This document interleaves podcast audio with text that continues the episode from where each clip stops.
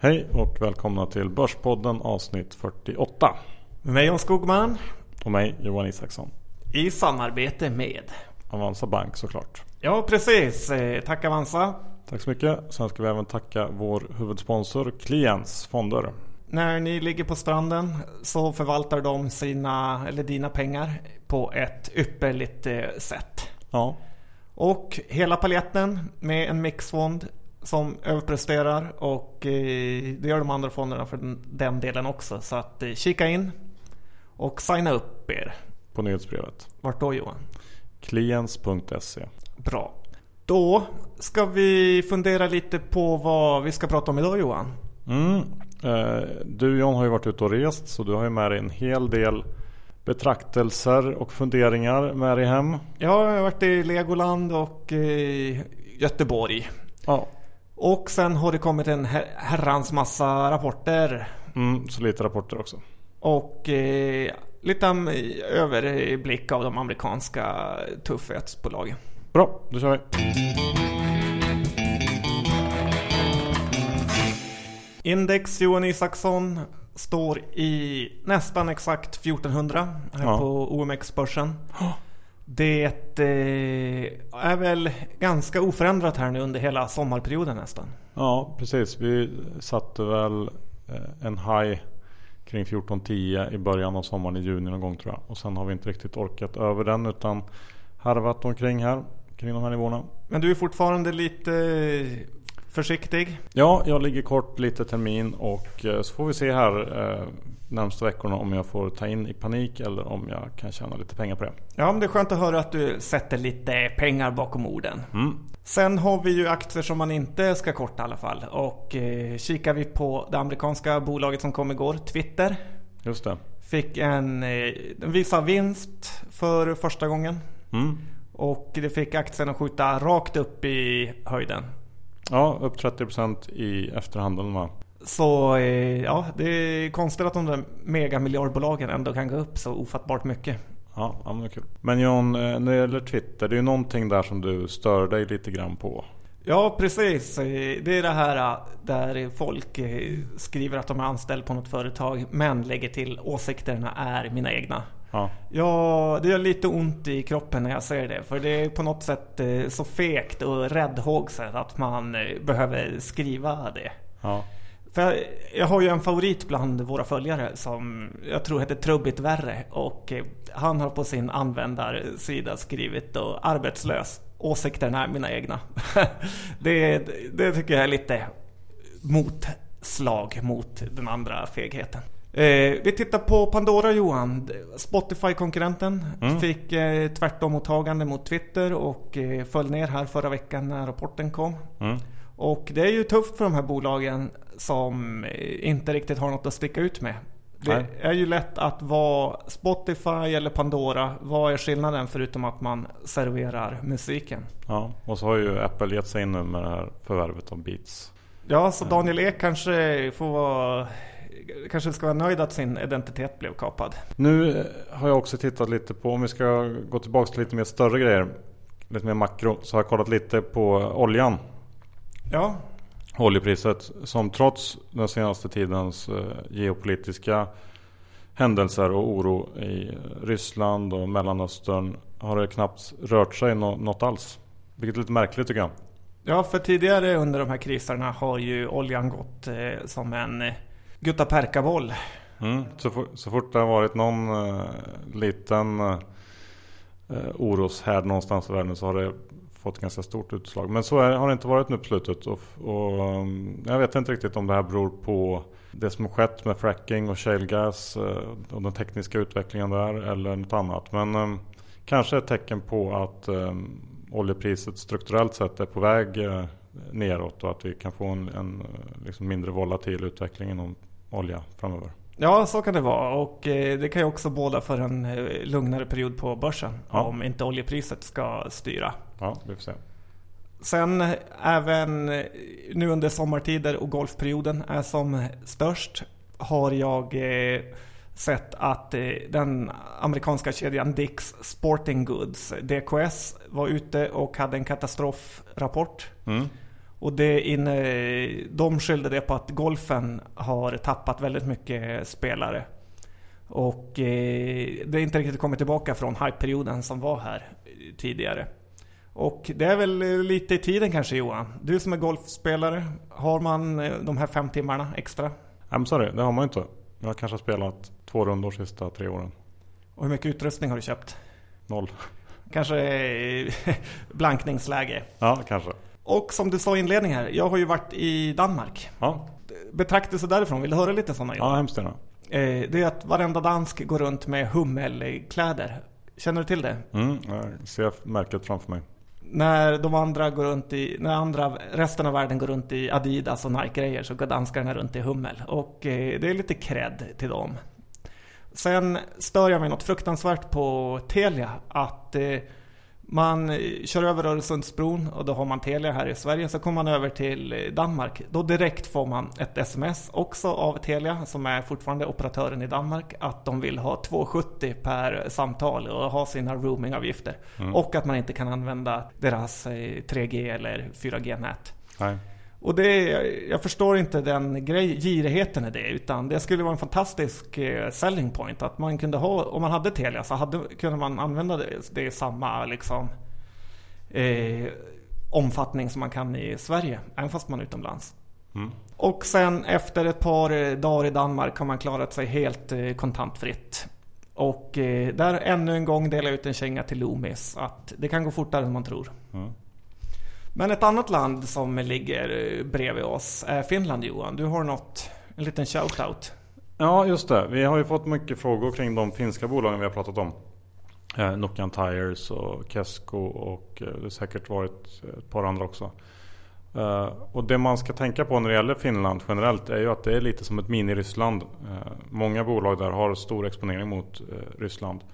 Och Eh, med tanke på vad som händer i Ryssland och utvecklingen där sista tiden så får man räkna med att det blir ganska det kan vara ganska volatil utveckling i de, eh, de här finska aktierna.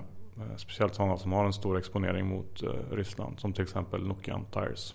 Ja, även om det är köpläge nu så kan det ju komma ännu bättre köplägen. Vi har ju de här sanktionerna som vi inte riktigt vet hur de kommer slå. Precis. Och eh, sen är ju, även om det kommer vända någon gång i Ryssland så vet man inte när. Nej, exakt. Så att, eh, tänk på det när ni köper de här finska bolagen. Speciellt om ni har en lite kortare placeringshorisont. Sen kanske vi ska säga någonting om eh, Bill Ackman. Ja, den lilla finansmannen som eh, har kört bort sig va? Till ja, blev... skillnad från några andra finansmän. ja, det blev lite pinsamt här i veckan när han eh, med buller och bång gick ut och annonserade att han skulle komma med någonting riktigt, riktigt stort eh, i Herbalife som skulle fullständigt döda den aktien. Och eh, när den väl skulle hålla sin presentation sen så kom det ingenting som var särskilt imponerande och aktien steg 25%. Ja, det måste vara helt makalöst pinsamt för fonden. Ja precis och de, för de som inte vet det så har Jackman kort väldigt mycket uh, Herbalife. Han kanske borde lyssna på Börspodden istället. Ja Johan, vad är det de har sagt? Uh, det finns ju ett case där som vi hade väl ganska rätt i. Oniva tror jag bolaget heter. Ja, de kom ju så sent som för någon halvtimme sedan ut med nyemission igen på 12 eh, kronor. Och de har ju nyligen gjort nyemission. Mm. Vilket måste ju vara, då de behöll prognoserna och genomförde en till nyemission. Det måste kännas ofattbart eh, frustrerande för de som investerar i den nyemissionen. Ja, verkligen. För, för, förra veckan gick de ju ut och reviderade rapporterna för Q4 förra året och Q1 i år. Och sa att eh, tillämpningen av redovisningsprinciper för intäkterna inte hade varit korrekt under den här perioden. Precis som vi har misstänkt. Prognosen sänkts rejält precis som du sa. Och eh, de ordföranden var även lite tveksam till om eh, den här nya prognosen skulle kunna hålla och sa att det är möjligt att det kan bli ännu värre. Vi får se där. Men eh, det jag tycker det har varit kanske lite, lite för lite prat om det är revisorernas ansvar i hela det här. Ja, de har kommit väldigt lindrigt undan. Ja, verkligen. Vi har ju eh, Grant Thornton som är och Andreas Meyer som är huvudansvariga för Onivas redovisning. Och att de har släppt igenom årsredovisning och ja, jag vet inte. För mig är det ofattbart. En liten uh, börspodd kunde se att Inte det så var, liten Johan. Nej men vi kunde hitta att det var någonting konstigt med det här. Då borde ju en Sveriges, en av Sveriges största revisionsfirmor kunna göra det bättre. Jag Precis, men när man har tillgång till böckerna med. Från ja, exakt. insidan. Exakt. Om så här stora eh, missar kan slinka igenom utan att de eh, märker någonting så kan man ju undra varför de eh, ska ha så mycket betalt och egentligen vad den här kvalitetsstämpeln som ska vara och vara granskad av en revisor, vad det innebär. Nej, där tycker jag att man behöver stor, stor bättring. Granska granskarna Johan. Sen har vi ju ett annat bolag som ska in på börsen den 31 juli, imorgon.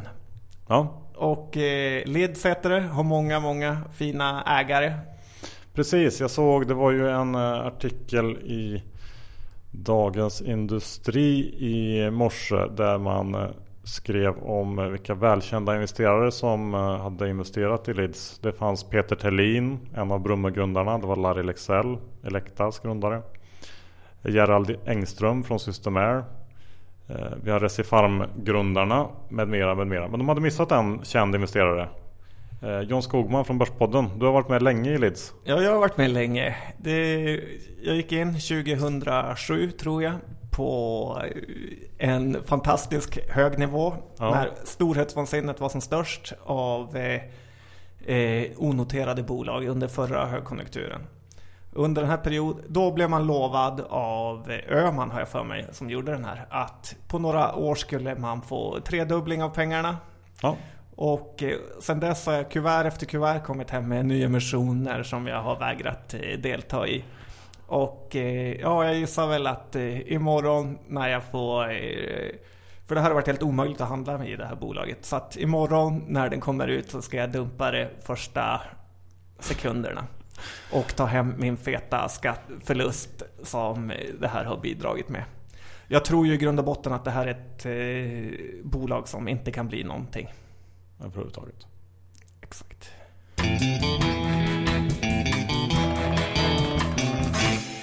Okej John, på bolagsfronten, vad har vi för intressant som har hänt sen sist? Ja, men jag har ju varit nere i Göteborg och eh, träffat lite höjdare i ÅF. Just det vi pratade lite teknikkonsulter. Mm. Och kom då in på Semcon, ett av bolagen som inte är en av mina favoriter. Nej. Mycket på grund av ägarbilden och eh, på grund av eh, svängigheten i det. Och mm. som vi sa förra poddveckan så var det ju en usel rapport de kom med. Yes. Och eh, så frågade jag lite varför Semcon är så ofattbart mycket sämre än ÅF och Sweco de här. Och då fick jag det enkla svaret att eh, Semcon är egentligen eh, som Profis kan man säga. En eh, uthyrare av konsult, civilingenjörer och ingenjörer. Okay. Medan ÅF är mer projekt och liksom större övergripande och kan därför ta mycket mer betalt. Okay. Mm. Och därför ska man när analytikerna jämför de här ÅF och Semcon mot varandra så ska man ta det med en nypa salt utan kanske snarare titta på Semcon och eh, Profis. Mm. Jag tror att jag är först ut med det faktiskt. Ja, var intressant eh, syn på det. Sen har vi ju haft, eh, ABB har haft en rapport om vi ska börja i bokstavsordning. Precis, eh, ett av våra favoritbolag kan man säga inom verkstadssektorn ändå. Eh, och det var ju en rapport som eh, rent resultatmässigt kanske inte var någon höjdare. Men eh, marknaden valde den här gången att titta på framtiden istället. Orderingången upp rejält mycket bättre än vad analytikerna trodde. Och ja, fokus ligger helt enkelt på vad som kommer hända om ja, ett halvår till ett år nu. Man lyckades även lugna marknaden lite när det gäller den här divisionen som det har varit problem med, Power Systems. Så att helt okej okay ändå och uh, ser fortfarande ganska rimligt värderat ut. Fortsatt köp från dig eller? Ja det tycker jag vi håller kvar i när det gäller ABB. Mm. Och eh, ha, så har ju Bilia kommit rapport. Mm. Eh, bolaget som vi absolut inte tycker var värt 120 spänn då vi initierade en säljrek och eh, gick upp 7% dagen innan rapporten och ner 7% när rapporten kom. Ja. Hur kommer det här sig? Ja, det kom, jag tror att det kom en rek eh, dagen innan rapporten. Eh, Seriöst? Ja. Och sen så kom ju rapporten då som inte riktigt kunde bära aktien på de här höjderna. Kom, alla får komma ihåg att Bilia var nästan utblottat på, under finanskrisen och har i princip gått eh, tio gånger pengarna. Med utdelningar och så vidare. Så att eh, Ja, här gäller det att vara försiktig. Ja. Som vi brukar säga ABC, eller Anna Bok brukar säga, så är vi inne på Koik nu. Concentric heter de, håller på med lastbilar Ja. om man ska förenkla det. Den har to- toppat ur lite den aktien. Ja, får lite den känslan. Eh, Både aktiekursen och resultatet ser ut att ha sett eh, sin bästa period. Ja, det, man ska sälja när det är dyrt och det kan ju här vara ett eh, sånt läge. Ja.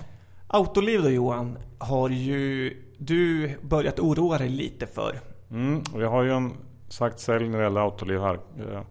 Och jag såg även att de var ute och pratade om sitt skuldsättningsmål. De har ju lite för mycket för stark balansräkning eller vad man ska säga. Så att för att nå sitt skuldsättningsmål så måste man göra ett förvärv sa vdn innan årsskiftet. Och eh, man kan väl tycka att eh, det är bra att man eh, bryr sig om sin eh, kapitalstruktur och försöker ha en så effektiv kapitalstruktur som möjligt. Men eh, När man eh, ser sådana här saker så börjar jag bli lite orolig för att jag som aktieägare vill inte se att man pressar fram ett förvärv eller gör någonting bara för att innan årsskiftet nå ett skuldsättningsmål. Då tycker jag att det, det har gått lite för långt. Ja, precis. Och man måste komma ihåg att det är ju i den här typen av konjunktur som de usla förvärven som bolagen får dras med under lång period eh, görs. Ja, absolut. Att eh, det är lätt att tro att något eh, kommer fortsätta ticka på om man betalar för mycket. Men sen kommer nedskrivningarna. Det är inte första gången och det är inte sista gången Nej, speciellt i en sån här bransch också. Sen har ju hotellbolaget Residor kommit med en ännu en usel rapport får man väl säga. Ja, vad har du att säga om det? Det här är ju ett bolag som jag verkligen ogillar. Mycket på grund av ägarstrukturen bakom. Då Carlson Group, eh, har jag för mig de heter, sitter och äger ungefär 50% av bolaget. Och det är då en resebyrå som är då 50% ägare i det här Residor. Mm. Och tittar man på hur de amerikanska hotellkedjorna har gått och Scandic ska in på börsen och eh, så är det ju makalöst hur dåligt Resedor presterar. Och ibland får jag för mig i mitt eh, konspirationshuvud att eh, de här Carlson Group resebyrån lowballar Resedor vad gäller priser. Som gör att de aldrig eh, riktigt kan få den här superintjäningen som de kanske borde ha. Mm. Men som sagt, det är spekulationer. Men det är absolut inget bolag för mig att äga. Sen kanske man ska säga något om eh, den här eh, rädslan att ha konjunkturkänsliga bolag i sin portfölj. Vi har ju SSAB, eh, Boliden, Lundin Mining och så vidare. Är det många som avstår för att de svänger så mycket. Men jag kan tycka att det finns en liten plats för sådana bolag i en portfölj. Om man har en större portfölj då. För under bra år kan man ju få en fantastisk eh, intjäning. Mm. Och SSAB har ju just haft rapport Johan, vi har pratat mycket om den förut. Vad säger du om den nu? Rapporten i sig har jag inte så jättemycket att säga om. Det var USA som håller upp eh, verksamheten. Men- eh, det är ju som vi har sagt tidigare ett, ett spel på konjunkturen. Och eh, på de här, nu har den kommit upp ganska mycket sen vi pratade om den från början här i höstas och vintras. Och eh, som det ser ut nu så är det väl lite vänteläge kan man säga tycker jag. Ja, det är bara att hålla med. Det, är ju, det här är ju konjunkturen och världen som styr. Ja. Svårt att veta i sin lilla låda hur den ska gå. Johan, Tradedoubler är ju ett av bolagen vi gillade under en period och sen slutade gilla det efter en eh, usel rapport här i vintras. Och Mm. nu är det helt fruktansvärt hur det här har gått. Ja, ännu en eh, jättesvag rapport och eh, en ny strategisk översyn eh, meddelade bolaget att man kommer göra här under hösten och eh, jag ser ingen anledning att kasta sig in i det här nu eh, och försöka fånga den här kniven utan vänta och se. Det är möjligt att det kan vara ett intressant läge någon gång men så länge omsättningen försvinner i så, så, så snabb takt som det gör för TradeW just nu så tror jag att man verkligen kan vänta och se vad som händer. Har vi lite likhetstecken mellan Eniro och eh, Tradedoubler? Ja men lite grann kanske. Båda kämpar mot Google. Ja lite så. Mm. Så att eh, nej, där eh, avvakta och eh, se vad som händer. Välj dina fiender. Yes. Sen John, höjdpunkten på din resa. Ja, Vad var det? Ur, ur ett rent aktiemässigt perspektiv så att säga. Jaha, ja, det var båda i samma. Nej men när man är ute, är man börspoddare och aktieintresserad och även eh, har följt en aktie väldigt länge så eh, vill man gärna se hur de eh, agerar.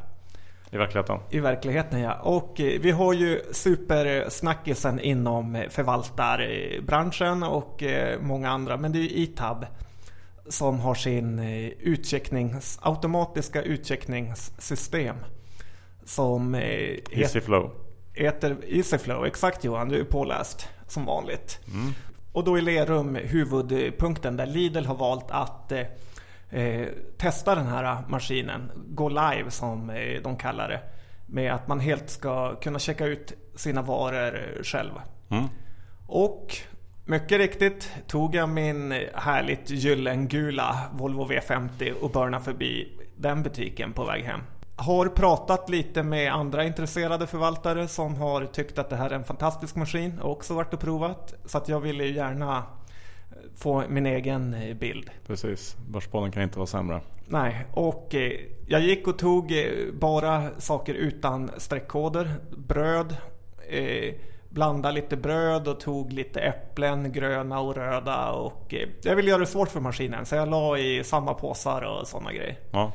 Tyvärr så har ju Lidl gjort det lite lätt för sig och eh, eh tar, tar samma betalt för alla äpplen och alla eh, vinerbröd och bullar. Och, så att jag tycker inte maskinen testas ordentligt. Eh, redan där hade jag en liten grundpunkt. Mm, okay. Det var ingen större rusning kan jag säga i butiken klockan 10 eh, en måndag morgon. Nej, men du plockade på dig lite grejer? Ja, mm. precis. Och begav mig med stor spänning mot eh, utcheckningsdisken. Där ja. det av, har de då installerat två maskiner. Ja. Eh, sådana här EasyFlow-maskiner. Och eh, också har de två personal som sköter det där. Så att, eh, jag har inte riktigt förstått vad eh, besparingen av personal är om man behöver en person för varje. Och kanske lite inkörningsproblem också? Ja, förmodligen. Ja. För problem var det. Jag började, en stackars pensionär stod framför mig och började direkt härja om att hans bröd hade blivit felbetalda och att han hade fått att det hade fått betala för mycket. Ja. Och eh, medan han stod där och pratade så la jag upp som vanligt mina varor på eh, bandet. Var det en sån här pinne emellan då eller? Nej, det var ingen pinne. Men jag Fanns inga pinnar eller? Nej, tänkte, men det är väl inte konstigt på en sån High-tech. High-tech maskin. Nej. Men swish så åkte alla mina varor in i hans varor. Eh, så den stackars Lidl-personalen fick gräva ut mina varor ur inchecknings... Eh, eller maskinen där. Ja.